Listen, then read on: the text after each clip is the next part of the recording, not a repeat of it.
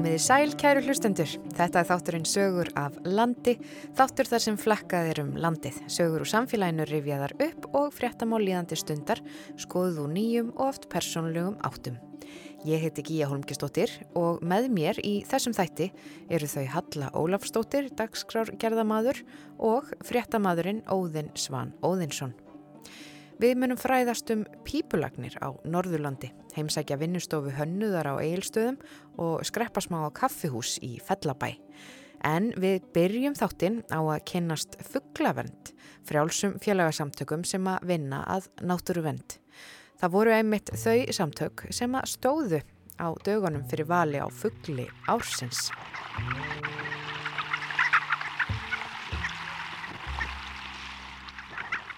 Við sáum ströymandarpar á mosavöxnum steini í terri lindará og þau hjúriði sér svona saman og, og í, sko, í sínum fallegu litum og, og náttúrann öll í kring ja, bara skær og, og falleg eins og eins og hún getur bóðið upp á. Ég heiti Hólfríður Arnardóttir og er framkvöndastjóri fjöglavendar. Hvað er fugglavend? Sko, fugglavend eru náttúruverndarsamtök þar sem fókusin er á að vernda fuggla og búsvæði þeirra. Við erum með margvíslega verkefni. Við erum með stóra stopna sjófuglum, vaðfuglum, mófuglum sem okkur ber að vernda. Margir er að koma engöngu til þess að verpa, aðrir er á leiðinni koma hinga til þess að fæða sig og fá sér fæðu, afla sér fæðu áður en þeir fara annað til að verpa. Og svo eru náttúrulega nokkri hér sem eru hér allt árið. Og að því að hérna fugglavendir í rauninni stopnið í kringum verndun hafarnarins þá er sem sagt haförnin til dæmi staðfugl og gott dæmi sem slíkur. Já, fugglavendi er sem sagt eða Fuglendafélag Íslands eins og það var kallað er stopnað með verðun Arnarins að markmiði og þegar það er stopnað þá stemdan í að vera aldauður. Því að það voru börin víða út eitruð uh, hræ til að eitra fyrir refnum sem, sagt, sem að laðist á söðfjö til að vernda söðfjö bænda og örnin fór í þessi, þessi ræ. Þannig að, að það voru nokkrir læknar sem tóku sér til og ákveði að stopna félag og það var búið til fundar held ég að það hefði verið í januar 1963 á Hótelsögu og ástæðan fyrir að læknar voru í meilhlut að vara að, að skildis mér að, að hugmyndin hafi komið upp þú veist, á kaffistofuna á Landakottsspítala. Þannig að, að þannig var nú það. Og þar voru tveir, tveir í forsvari, það var Björn Guðbrandsson og Úlvar Þórðarsson. Nefna það að cirka ári setna þá sendir félagið bref á alla alþengismenn uh, til að þeir, þar sem þeir eru kvartir til að styðja styðja þings álíktunartillögu Bjartmars Guðmars Guðmundssonar á sandi um aðgerðlis að fríðaörnin en það vil svo skemmtilega til að Bjartmar þessi á sandi er svo svona afi minn. Og það og það hafði ég ekki hugmyndum þegar ég réði mig hingað eh, til fugglavendar En hverjir eru félagsmenn í fugglavend? Við erum með 1300 félaga og það eru alls konar fólk í félaginu. Við erum bæði með sérst fugglavinni, við erum með fugglanörda. Það er fullt af fólki í félaginu sem hefur mikinn áhugaði að, gefa í gardinu sínum og, og svo eru útvista fólk sem hefur gaman að bara tekur þetta sem svona viðbót við útvistina. Við erum með fugglaverndara, við erum með náttúruvendar fólk og svo erum við líka með dálítið að fólki sem býr út á landi og vil bara passa að, að all, þessir fugglar sem við eigum svo marga af haldi áfram að vera margir. Að sem, sem er í rauninni fugglaverndun og við erum líka með þá sem sapna fugglum eins og, eins og kannski sumir sapna frímerkjum og hlauparar geta sapnað kílometrum þá eru nokkra sem að hérna, þeisast um landi ef að, ef að nýr fuggl sést einhver staðar sem að einhvers konar auðmyggjasfugg sem hefur flest flegst hinga með líklega einhverjum vondum veðrum. Þeir voru kallaðir hundrakallanir af því að þetta voru aðalega kallar og markmiðið var hérna á árum áður var að ná hundrafuglum á, á Íslandi. En ég held að þeir séu kallaðir 300 kallarnir núna því að bæði hafa, já, flækingunum hefur fjölgað og, og, og svo náttúrulega bara með þessari tækni, ég minna það er Þeir eru á samílu appi svo þið geta látið hvernig annar vita ef að sést til, til, til fuggla sem ekki hafa sést til náður eða, eða fuggla sem einhver hefur ekki séð áður að, og ég veit alveg til þess að fólk hefur þurft að fá frí í vinnuna til þess að keira á stað, bara bruna bruna þvert yfir landið ef að, ef að nýrfuggl hefur, einhver nýrfuggl hefur sést. Já, þannig að það eru, það eru alls konar fólk í félaginu. Vissulega náttúrulega hefur ljósmynda áhugin og, og framfæri í ljósmyndin haft áhrif á fugglaskoðara og skoðun. Já, algjörlega og, og við höfum haldið nokkuð námskeið fyrir fugglaljósmyndara því að veist, græjurnar þær hafa veist, náttúrulega þessi digital tækni og græjurnar þær hafa breyst og batnað og þannig að er fólk sem hefur kannski haft áhuga á ljósmyndun sér allt í hún að þarna er viðfangsefni sem er svo fjölbreytt og fallegt og skemmtilegt og það eru fullt af ljósmyndunum sem hafa komið til okkar og eru félagsmenn í dag og eru áhuga samir og áhugin ekst bara og það, já, þetta er alveg stór mikil aukning, mikil aukning í fugglaljósmyndun. Og alveg ótrúlega myndir sem maður sér. Ótrúlega myndir og, og það er nú alltaf gaman að vera fésbókarfélagi eins og nokkrum hópum þar. En á þessum tíma sem þú hefur verið, hvernig finnst þér þessi hópur hafa þróast? Serðu ykkurar breytingar? Já, félagum hefur svo sannlega fjölgað. Þannig að þegar ég byrja hérna þá eru 300-400 félagur og þeir eru um 1300 í dag. Um, og konum hefur líka fjölgað. Það var reyndar mjög ábyrgandi hérna fyrsta árin að það, það voru, voru meirlutin kallar. Og félagsmenn eru svo sem allstæðar aða landinu en kannski það er náttúrulega fleiri í borginni að og það endur spiklast náttúrulega í félagatalinu og það er einmitt uh, félagar kannski þeir hafa eldssoltið en við höfum samt haldið dampi og við fáum nýja félagin og þeir eru svo sem á öllum aldri en við kannski gerum ekki svo mikið fyrir yngsta fólkið, ekki eins mikið og við vildum. En hefur þið séð síðan breytingu núna á þessum tíma sem við höfum staðið í COVID? Sko við hérna á skrifstofunni teljum okkur sjá breytingu. Við, við, við höldum að, að séu fleiri að gefa fugglunum. Það er mikil fjölkun í hóp, hópum á fjesbók sem hefur þetta áhuga mál og, og það er tölvert spurt um fugglafóður hér og hvað er að gefa og fugglamatseðla og, og, og við seljum svona fugglatengtarvörur, fóðurar og slíkt og það hefur bara verið mikil aukning í því og við teljum bara að fólk sem hefur kannski verið allt í neitt til þess að vera heima sé, sé bara að veita þessu áhugamáli meiri aðtegli og finna út hvað þetta er bara frábært áhugamál að gefa í garðinum heima eða í í þessum alminningsgarði sem að þú hefur aðganga að eða, eða slikt sko. Þannig að við höldum það og svo höldum við líka að með þessari auknu útivist okkar Íslendinga á Íslandi þá sé áhugin aukast og, og við fáum bara fjöldan allan að spurningum um, um fuggla og, og, og tegundir og hvar megi finna og hvort að megi finna þessa tegundur á hálendinu og þess og svo framvegis. Og það er bara aðtiklivert að til dæmis á í Hafnarholma á Borgafyrði Eistra þar sem er mjög eðvilt að sjá lundan og, og fleiri sjófugla það mættu í júli um það byrja margir Íslendingar síðasta sumar eins og margir útlendingar mættu þar síðasta sumar. Þannig að, að það eru bara að segjast að, að já, við teljum það að, að Íslendingar séu farnir að horfa til heimins líka. Já. Og líta sér nær. Og líta sér nær.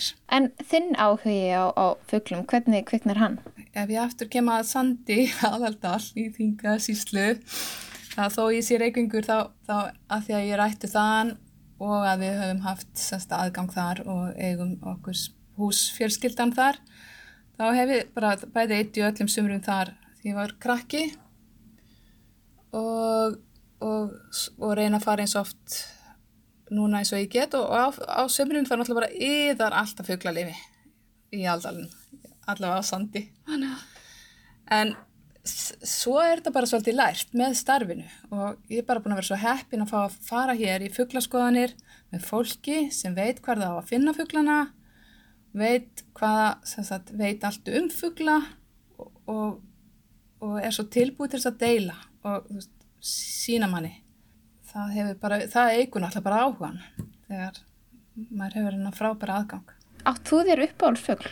Sko, veist, það er náttúrulega bara svo erfitt að velja að þú veist, gera upp á milli, það eru náttúrulega mjög mjög uh, ólíkir og margvíslegir, en súlan kannski, geti hún er náttúrulega bara mjög tegnaleg og ekki ástæðulegs hún er kvælið drottning Allands Hafsins.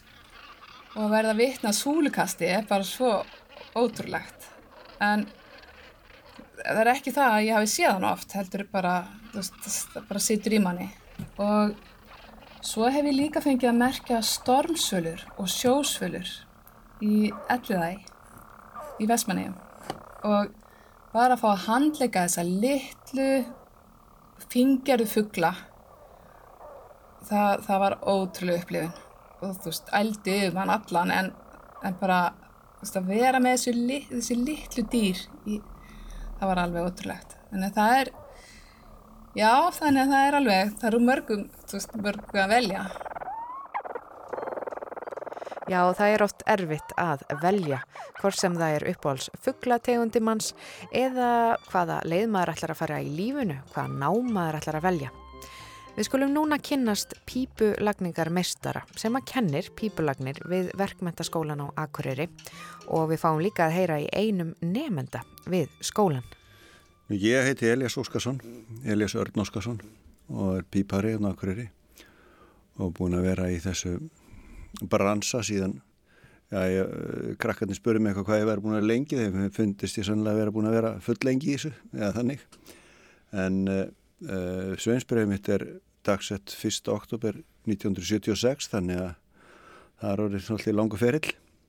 Ég er sannsið búin að vera við, vinna við pípulagnir síðan 76 þegar pappi hann var pípulagnarmistari og, og ég fór að hjálpa honum svona þegar ég var ungu pjakkur og fannst þetta bara spennandi og var alltaf að vera að hjálpa öðrum og það er svona eitt af prinsipunum í lífinu hjá mér allavega að reyna að vera duglegar að hjálpa öðrum. Eh, samningurinn er, námsamningurinn minn er skráður 1. oktober 76 þá byrja ég eh, í fastri vinnu hjá pappum minnum og, og, hérna, og ná mitt hefst þá þó ég hef verið búin að vinna með honum í, í svona aðeins eh, alltaf á og til sko þannig að eh, en, en mín svona vinna þar á undan var mjölksamlegin og í sveit þannig að við hefum alltaf, við erum alltaf fundið skaman að vinna. En uh, síðan náttúrulega uh, síðan hérna vinnum við hjá pappaganla nokkrir félagar og, og ólumst þar upp lærðum þar nokkri saman. Hann var búin að vera með nokkra á undan okkur. En svo þegar hann ákvaða hætta í bíbulögnu þá, þá hérna sem var 82 þá stopnum við okkar fyrirtæki sem heiti Miðstöð og er búið að heita það síðan. Aldrei fara á hausin og alltaf verður með sömu kennitölu þannig að það er ágætt svona, svona eh, reynslu saga þannig að sömu eigendur og alla tíð og og síðan og fyrir nokkrum árið síðan þá fyrir um, um tíu árið síðan þá vektist nú einn af okkur, við vonum þrýr eigendur og stofnendur sem læriðum allir hjá pappa og einn e, sá sem var elstur hann læriði byrja að læra 74 einmar rétt. Og svo næsti 75 og ég 76 þannig að en svo eru veikindi sem hömluðu okkar samstarfi þannig að og, og hérna slís sem að einn lendi í þannig að við ákvaðum bara að losa okkur við þetta fyrirtæki ef við gætum. Og ég vissi það að, að hérna, ákásmíði Ármann Ketilsson, hann er mjög svona mikil eh, snillingur og góður drengur að hann hefur alltaf haft áhuga því að vera með svona fyrirtæki sem er með allíða þjónustu. Getur búið upp á upp á hérna alla þjónustu alveg frá aðtilu þú bara ert að fara að byggja þér hús og, og þá getur hann bara síðan um allt sem að því lítur með alla yðinamenninnan sinna raða og, og það varð úr að hann hafði strax áhuga að kaupa okkar fyrirtæki. Svo framlega sem að sem við fylgdum með því að fyrirtæki er ekkit annað heldur en man, man, maðurinn og menninni sem þarf að vinna. Og, og það eru, eftir um þrjú ár síðan og það var bara skiptum það var ekki skiptum kennitölu heldur bara eigandur á ákveðin tímapunkti og, og við höfum unnið það síðan og, og ekkert við sem er það Meðfram þessu fyrirtækjarekstri eins og kemur inn á þá ferðu að kenna fæið líka. Hvað hefur verið lengi í því? Sko þessi kjensla kom eiginlega út af því að ég var nú í einskólanum hérna á Akureyri og, og tek mitt meistarapróf og uh, svo uh, er, er það bara þannig að einhverjum árum setna þá dettur niður kjensla í, í verkmyndaskólanum eða verkmyndaskólan tekur við einskólanum náttúrulega og það er einhvern veginn þannig að fámennar yðingreinar þær eiga ekkit endil upp á pallborðið í öllum skólum. Það þarf ákveðin fjölda af nefnendum til þess að hérna, yðingrein sé kend og svo er það bara þannig að í öllum yðingreinum og allstaðar það sapnast stundum upp einhver ákveðin fjöldi af einstaklingum sem er að vinna við þetta eða hitt og þeir eru jáfnvel ófæleirir og þetta gremst okkur sem eru búin að læra að hafa ófaglæra í kringum okkur og, og hérna, þeir eru kannski ekki alveg á sama grunni viljum við halda fram. Og þannig að, að hérna, það var alltaf verið að svona uh, agnúast út í það að þetta verði ekki kent á akkurýri og ég fer í það að tala við að hefur verkmæntsskólanum um það hvort að þetta verði ekki kent og þeir segja að við kennum þetta örglega bara ef að sapnast nógu margir í hópin. Þannig að það var bara úr að, þeir sem voru að vinna við þetta, þeir söpnust saman og ákvaða það sækjum í skólanum og, og ít á það að þetta námir í kent á Akureyri að minni til stiðurlan og þá auðvitað vant að kennara og hver á að kenna, þú varst að byggja um þetta vinnur, þú verður bara að kenna þetta. Þetta dæmtist á þig? Þetta dæmtist á mig. Þannig að ég játti því og, og gerði það og er búin að vera með, alltaf þessi ekki, 50 hópurinn sem að sem, sem er að hérna, er núna í gangi hjá mér sko. Þannig að þetta er búið, við, fyrst höfum við enga aðstöðu og við höfum það ekki enn, virkilega erfitt að, að hérna, berja það í gegn og við höfum enga aðstöðu eins og hinnar yngrinnir í skólanum. Þannig við erum búin að vera svona á rakkólum og undanfarin, undanfarnir áfangar eða, eða hópar hafa meir og minna notið þess að vera út á vestað hjá mér þar sem maður hefur komið upp verklegri aðstöðu. Ég hef alltaf fengið inni í skólanum fyrir bóklega þáttinn en uh, verklega aðstöðan og verklega kjenslan hefur meira farið fram út í bæ þar sem við höfum haft aðganga bæði öðrum fyrirtækjum og, og verkefnum sem eru í okkar fæi og, og uh, mér finnst alltaf skemmtilega ef við getum komist inn í verkefni sem eru uh, þarf ekki að rífa niður þegar maður er búið með þau. Er þetta eftirsótt að farið? Hafið þið náðu að halda dampi? Það segir að það hefur fáir verið í þessu, þið söpnuðu saman hóp. Hvernig hefur þetta svo gengið eftir það? Náðu að haldast einhver, einhver fjöldi í þessu hverju ári? Það hefur ekki verið þannig að þetta hefur verið eh, ár eftir ár. Það hefur stundum, hafa stundum liðið nokkur ára milli hópa sem hafa fengið kjenslu akkurýri og eh, það hafa alltaf einhverjir farið suður í kjenslu í einskólinni Hafnafyrðið að taknskólan en við hefum haldið ágættum dampi hérna núna og, og, og núna er í hópnum tíu nefnendur og ég hitti fyrir að útskrifuðast 13 nefnendur Herðu, ég er nú bara 35 ára gömul kona sem að hérna, kemur á blöndósi og tökja bátna móður maður minn átti nú einn dreng áður hann að við erum með þrjú bönn og, og ég er bara þessi vennulega húsmóður sko Þetta er hún Birna Há Bergstað Þórmundsdóttir. Hún er einn þeirra sem að stundar nú nám við pípulagnir í VFMA. Og hún Birna, hún er eina konan í hópnum. Það var eiginlega bara þannig að ég fór í grundel byggingreina 2017 og var að hugsa um fara í húsasmiðin og svo fór ég bara hætti eftir grundeldina og fór að vinna og sjá fyrir fjölskeldunni og, og svo sé ég bara auglist pípulagnir og, og kemst á samningi bút og hérna svo bara prófa þetta og þetta er mjög skemmtilegt þannig að þetta verður bara það sem koma skal sko. Þú byrjar að læra byggingarein, er þetta eitthvað sem hefur alltaf fyllt þér svona þessi yðnaðarstörf? Já, þetta er alveg blendað í mér svona uh, áhuga á húsum og húsbyggingum þannig að þetta var svona eitthvað sem ég var til að prófa sko. En eh, af hverju, hverju pípulagnis? Hva, hvaðan kemur sá áhug? Það, var bara auglist frá verkmyndaskólinum og að þeir ætlaði að fara að kenna þetta og það hitti bara þannig á að, að ég ákvaða að skoða með oss um og, og sá að bútur og til að uh, koma mér á samning. Þannig að það var bara að prófa og, og ég komst inn og, og þetta er bara mjög fint sko. Hvernig virkar þetta? Þú þarf að vera búin að ná þér í eitthvað fyrirtæki sem er tilbúið að fóstræði á meðan þú ert í náminu? Já, það er best sko hérna að gera þannig, að komast á samning og, og vera í skólinum og gera þetta allt í, í leiðinu sko. En hvernig er þetta uppbyggt þetta, þetta nám? Þetta er bara í rauninni þegar grundelið var búin þá er þetta þrjá rannir, kendar janúar til mæ, þannig þetta er þrjú ár og svo er maður bara að vinna á, eðust, í samningnum á, á meðan og klára svo með sveinsprófi. Þannig að það er 2022 sem að ég klára.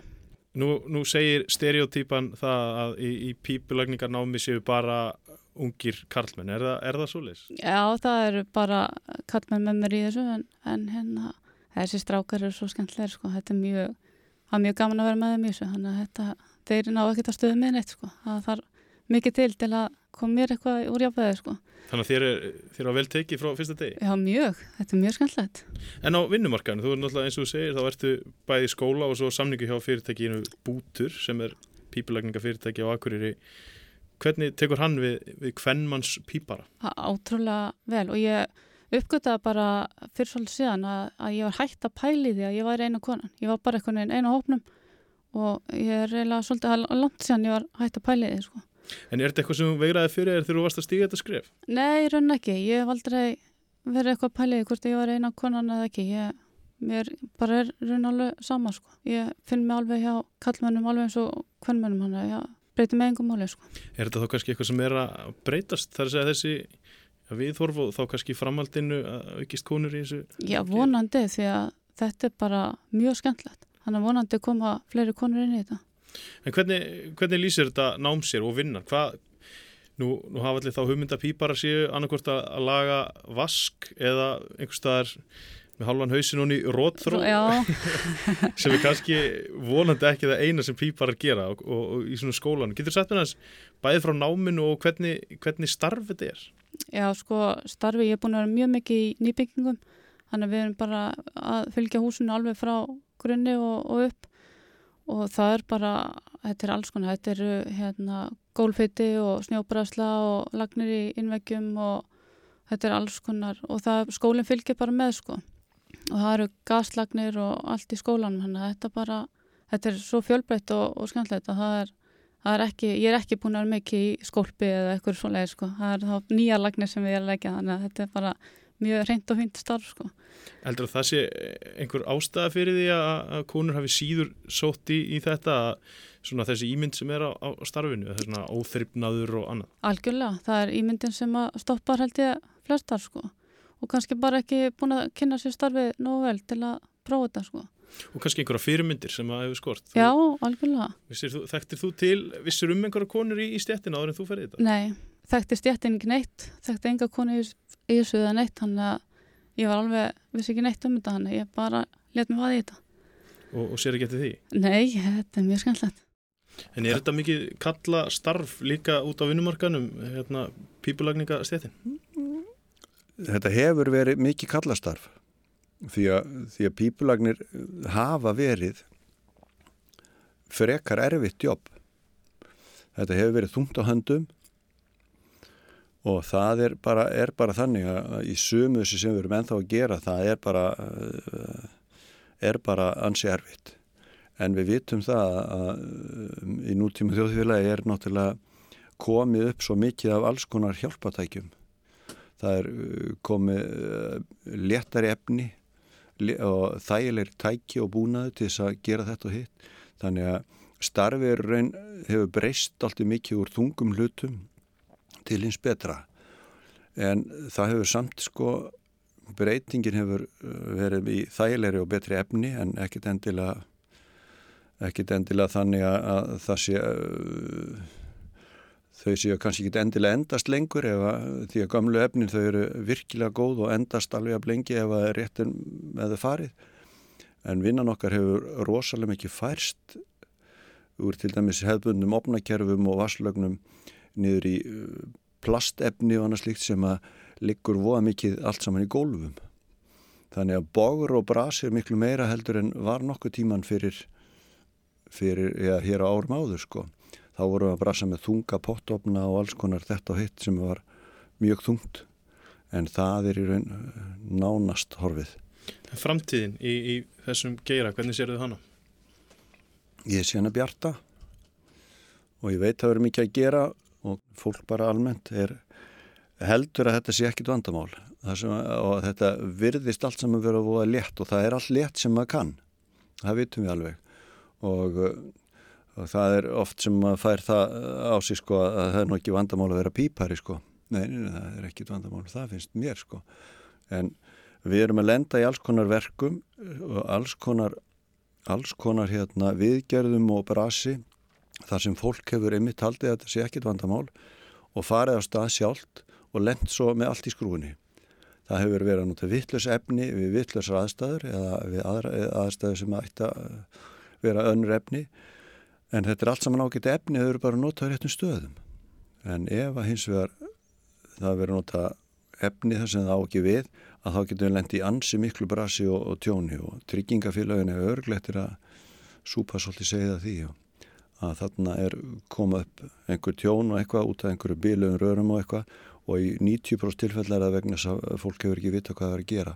Það er að segja ef að einstaklingur er að gera þetta sjálfur sem að kann ekki til verka. Þannig að þú mæli með að heyri í fagmann ef maður er að, ef maður er að einhverjum pípulegninga vandræðum? Öllu sem maður ætti að gera, það er bara heyrið í fagmanni.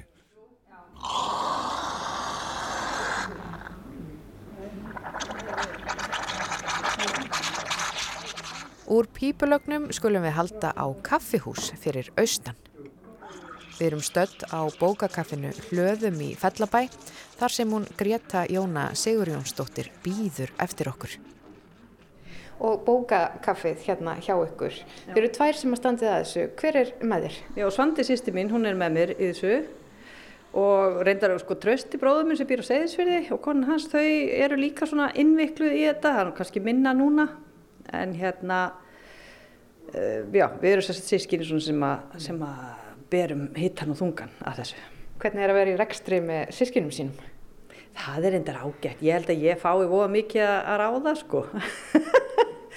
Og, en samt það er alltaf gott að, að veist, gott tröst á mill okkar og það er gott að leita til þeirra og, og svona rekstur er náttúrulega aldrei mikið, sérstaklega núna en það er búið síkastið, gengur svolítið út af það að maður er svona að reyna að finna einhverja leiði til þess að láta hlutina ganga og, og það er bara gott að hafa eh, hafa fólk með sér sem að það er svo gott að ræða um hlutina. Maður sér svo marga fleti þá. Já. En þetta bóka kaffihús hérna, hvenna byrjuðu þið með þetta? Hver er svona saga þessa staðar? Saga staðar er reynda mjög laung og merkileg en við byrjuðum bara hérna 2010 og þá var hann Sigbjörn Brynjólfsson, hann var sko hættur hérna, Þau, hann er búin að, svo sem var hérna undan okkur og átti þetta áður, hann semst drakk bókabúð og gafur verslun hérna og svo var hann bara, hann var búin að vera með heildsölu og, og bara alls konar, þú gerir bara þátt um það. Og hérna þegar við komum að þessu þá var hann hættur, var aðeins með forbókaverslun en var hættur öllur rekstir þannig að ég bara hafði samband við hann og spurði hann hvort að ég mætti ekki leiða þetta af honum staðinn. Ég var alltaf að keira hérna framhjá og sá bara einhvern veginn alltaf þetta hús og fannst svo miklu möguleikar og hann var nú heldur byrju til í það, hann tók bara mjög vel í þetta og sagði bara já ekkert mál og, og hérna, við bara svona tókum til og græðum, gerðum kaffihús, keiftum af honum, eða fyrst sáum við um að selja fyrir hann bækurnar sem hann átti eftir hérna á lagarnum og, og skiluðum því bara til hans. En svo var það bara óþálega mikið stús þannig að við keiftum bara af honum lagarinn. Og við opnum tíunda nei, 2010, 1. júli 2010 Já. þá opnum við bókakaffi hlöðum og voru þá með sérstaklega bara svona kaffihús, kaffi og kökur og, og gamlar bækur og, og svo bara, já, við erum búin að gera alls konar sko. Já. Já, ég hjó eftir dagsetningunni, það er 2010, þið áttu þá, já, eitt af kannski mörgum svona hlutum sem áttu afmæli á þessu afmælis, já, 2020 árið þar sem að enginn mátti eiga afmælið, þá mátti ekki halda upp á neitt. Hvað gerði þið svona til þess að halda upp á 10 ára starfsamælið ykkar?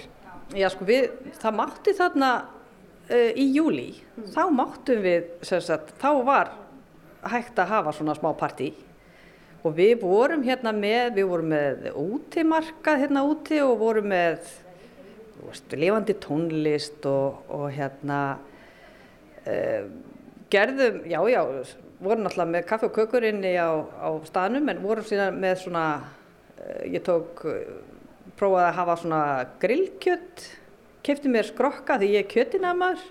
Já, þú ert kjöttinamar líka? Já, já, kefti skrokka frá opnafyrði og, og hérna uh, handiraði þá bara hérna, pakkaði, vakumpakkaði og, og hérna kryttaði og, og bjóði til álegg og alls konar og seldum við þetta á á útimarkaði hérna, þarna, þessa ammælis helgi sko mm. og þetta var náttúrulega bara mjög skemmtilegt sko. Já. Svo eru nú hérna, kótiletturnar ykkar viðfrægar og svo eru þau með kökuhlaðbor sem að myndi skáka sko góðu kvænfélagsbóði og fólk hefur verið tekið fyrir að fræða nægstur og ætla að koma hérna og, og fá sér kökur á okkur. Já. Er þetta svona það sem þið hafið brunni fyrir að bjóða upp á góðar veitingar sem eru kannski svolítið þjóðlegur? Já, þetta hefur, það hefur svona, sko við vorum, við erum búin að vera í tíu ár og við erum búin að prófa alls konar. Við vorum búin að prófa að vera með tælenskan mat hérna, við vorum líka með heimilismat svona, uh, ég hátta einu alltaf, um, ég vilt alltaf haft þetta svona dagstað. Uh, þegar við byrjum að vera með kótilettur í raspi á miðugundum, þá bara, það bara svín virkaði. Og við vorum bara alltaf með, og erum alltaf með bara fullt hús, nema náttúrulega auðvitað í COVID, í, af, bara kótilettur í, í raspi, þá bara halv tólf er tilbúið allt bara og, og svo höfum við þetta til svona 2,5-3 og það er nánast fullt allan tíman sko. Og þetta er bara fólk sem er að koma úr vinnunni bara og fær sér aðeins, bara í hátegi hlénu kemur það og fær sér kótið eftir raspi mm. og þetta er einhvern veginn svo, já þetta er, þetta er rosalega íslenskt. Já. Og þetta er orðið fastur liður hérna í tilveru margra á svæðinu? Já, mm. mjög og það er reyndar auðvitað sett svolítið úr skorðum að við höfum náttúrulega ekki verið með svona á þessum COVID-tímum og við hefum aðeins uh, voru með, sko, af því að það hefur alltaf slaknað á og til svona og þá höfum við byrjað aftur. Og, og hérna vonandi bara þegar það, þegar það slaknar alminlega þá byrjuðum við bara á þessu alveg að fullu. En við höfum svona, svo vorum við aðeins að prófa að bara, þú veist, gerðin gótilettur og, og fólk að pantað og tekið með sér heim. Já. en þetta er hluti af þessu er, er svona stemningin að sita hérna og, og það er bara það er einhvern veginn það þekkja allir alla, þetta er svona svoleiðið stemning sko, fólki sem kemur er, kemur nánast alltaf mm. Þið eru svona pínu eins og félagsmyndstöð kannski? Já, ég myndi segja það þetta er, já, þetta er náttúrulega mjög ef að fólk er að leita að svona lokal stað hér á þessu svæði, þá er, þá er, þá er þetta svoleiðið staður hér er bara fólki svona sem að auðvitað náttúrulega kemur ferðarfólk hérna yfir sumatíman en En við höfum alltaf lagt upp með það að, að þetta væri fyrst og fremst staður fyrir fólkið hér á svæðinu og kökulhlaðborðin og þetta. Það er auðvitað bara, jú, meir og meina fólki bara hér í kring sem að kemur, úr Fællabæ og, og Eirstöðum og, og bara sveitónum hérna í kring. Já. Og þegar að koma túristar þá finnst þeim þetta geggjað sko. Já, já, bara upplifa íslenska stemmingu eins og hún gerist best. En. Greta það er nú ekki hægt að ræða við því á þess að þess að fara inn á tónlistina. Út af því að þú ert nú dúkkulísa og, og hérna og það er nú ekkert langt síðan að það varst að gefa út lag. Nei, það er ekkert langt síðan. Við Erla Ragnar, söngkona, við höfum svona eh, aðeins verið að, að hérna, prófa, þetta er svona, þetta er svona svolítið skemmtilegt, við erum náttúrulega á Sitkur landsfanninu, hún er fyrir í Hafnafjörðinum og ég hér fyrir austan og svo fáum við svona hugmyndir Sitkur lagi og einu sinni þá bara ringdi hún og sendi mér og sæst að já, bara fann góða hugmynd að lagi og, og raulaði það svona inn. Og ég tek þetta á hlusta og, og svo sendi ég henni kannski einhverja hugmynd tilbaka og svo fer þetta svona aðeins bara rafrænt á mill okkar og, og svo endaði með því að ég var bara búin að gera texta við þetta. Og svo vorum við náttúrulega bara svo ánæði með þetta að, að hérna, við höfum fengið Guðmund Óskar til þess að taka þetta að sér að hann var búin að vinna með okkur áður og við tókum þetta lag upp eða þau fyrir sunnan í rauninni sko. Ég fekk að fylgjast með bara svona hvernig þetta varð til allt saman svona eða útfært og mér, þetta er bara dásamlegt sko. Ég er svo ánað með þetta lag að, að, að mér finnst þetta bara, já, frábært að vinna þetta svona. Það er hugljúf stemming í þessu lægi alveg eins og er hérna á kaffehúsin eitthvað, bókakaffinu og hlöðum. Það var reyðilega að segja, það er svona angurvær falleg stemming. Já, ég, já, þetta er náttúrulega bara einhvern veginn svona lag sem á að fá því til þess að líða vel í hjartaru. Bara svona og sest niður og, og hérna, íhuga bara svona lífið og tilveruna þá er það alveg gott að hlusta á þetta lag það er svona, það er svona ljúft hlýju von eftir litla kríu sekur á braut svartnættis þraut svo faðmar hún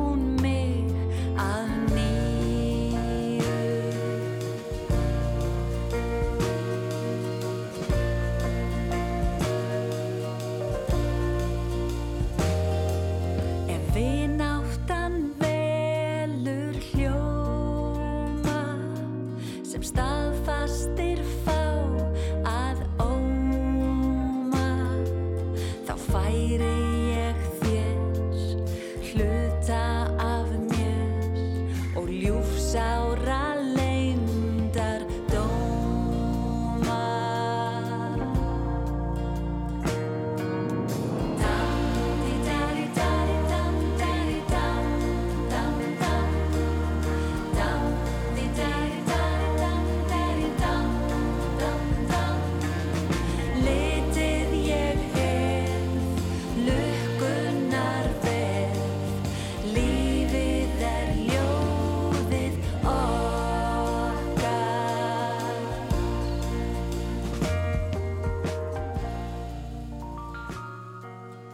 Já, smá sínisort hér af læginu Lífið er ljóðið okkar.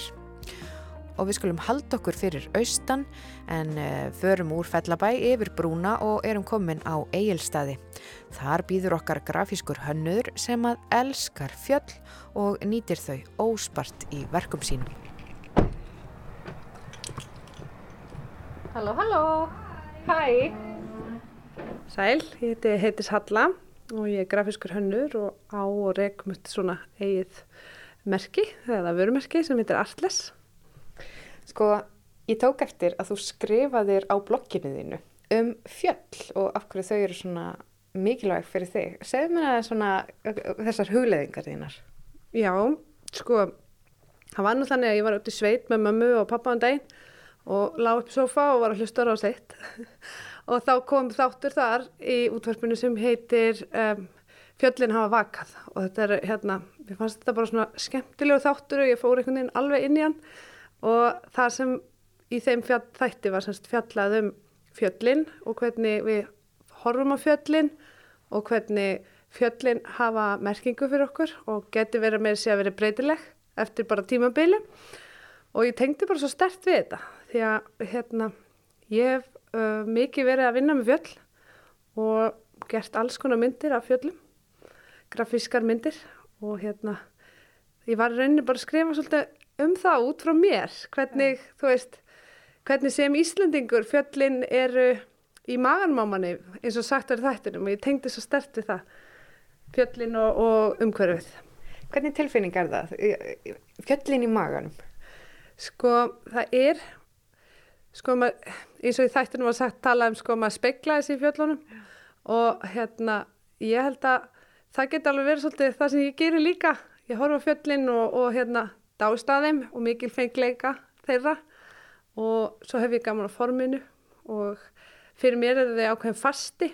Eins og til dæmis bara snæfellið mitt. Ég er hérna fætt og uppelani á eilstum þó ég hafa ekki búið svo hérna lengi, lengi, lengi en en ég flutti aftur en fyrir mér er eins og snæfellið svona eins konar fasti ég hef horft á hann alla mína æsku og fyrir mér er hann bara svona uh, tákmynd fjölskyldunar og stöðuleika Já.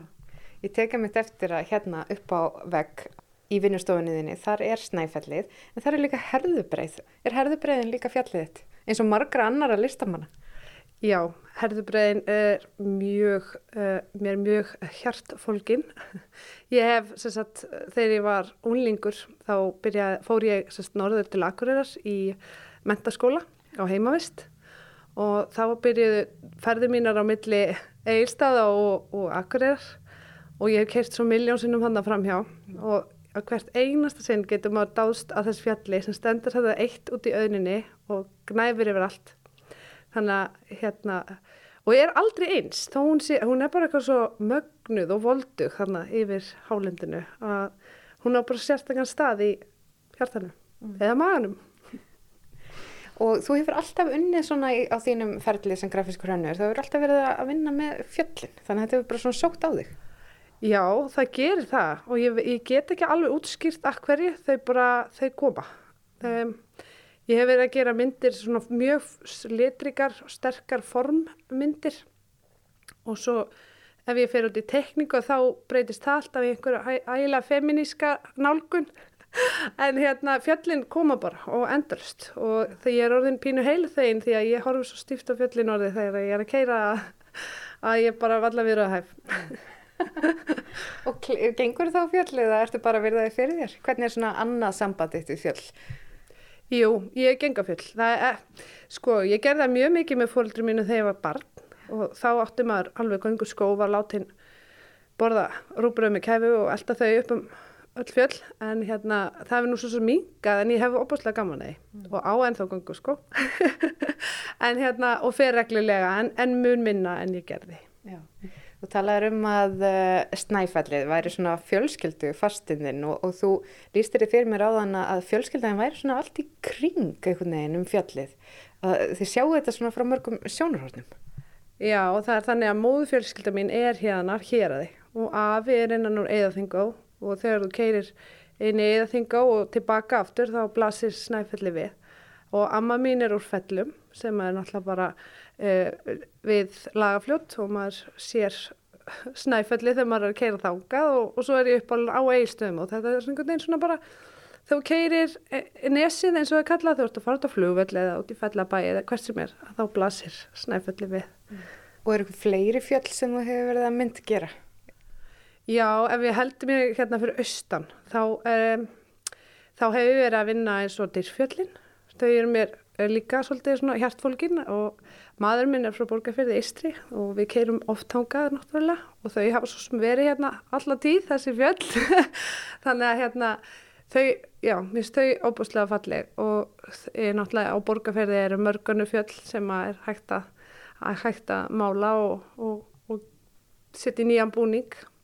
Mm, en svo finnst mér bara svona eins og einhvern veginn að fjöllin fylgir manni í gegnum tímabil. Mm. eins og til dæmis þegar ég bjóði í Vesturbænum og var í háskólanum að, að þá, þá horfði ég á keili og maður fór að skokka nefnir sjó og þar var keilir einhvern veginn.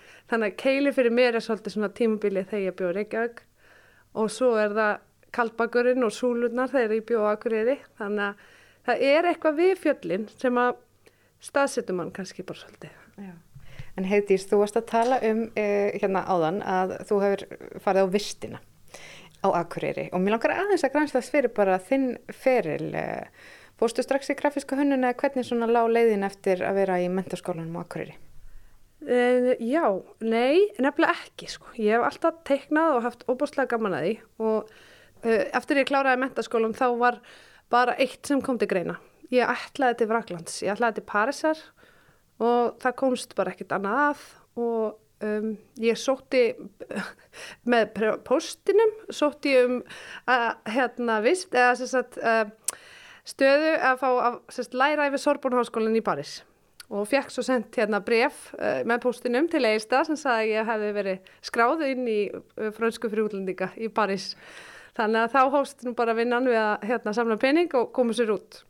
Og það gekk og hafði bara tókst og ég var mætt út og lendi alls konar æfinturum og egnaðist vini fyrir lífstíð þar og það var indislegu tími.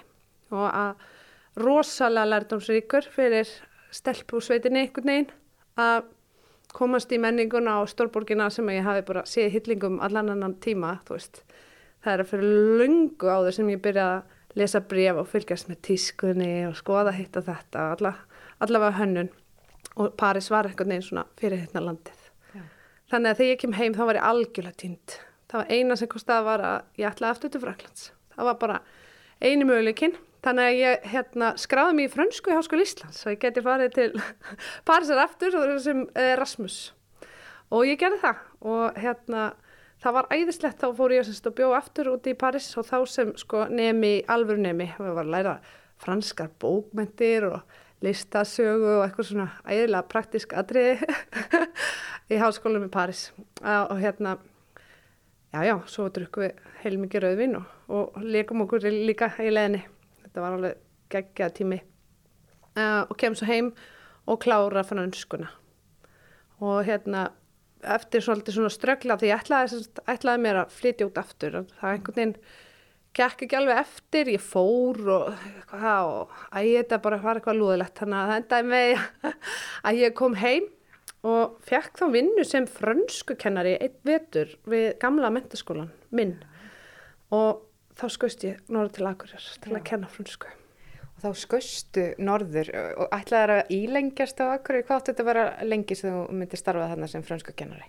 Ég var sérst að leysa af í ár Já. og hérna það var planið og hérna það var bara svo ótrúlega gaman. Ég sem ætlaði aldrei að vera kennari, alveg bara elskaði það.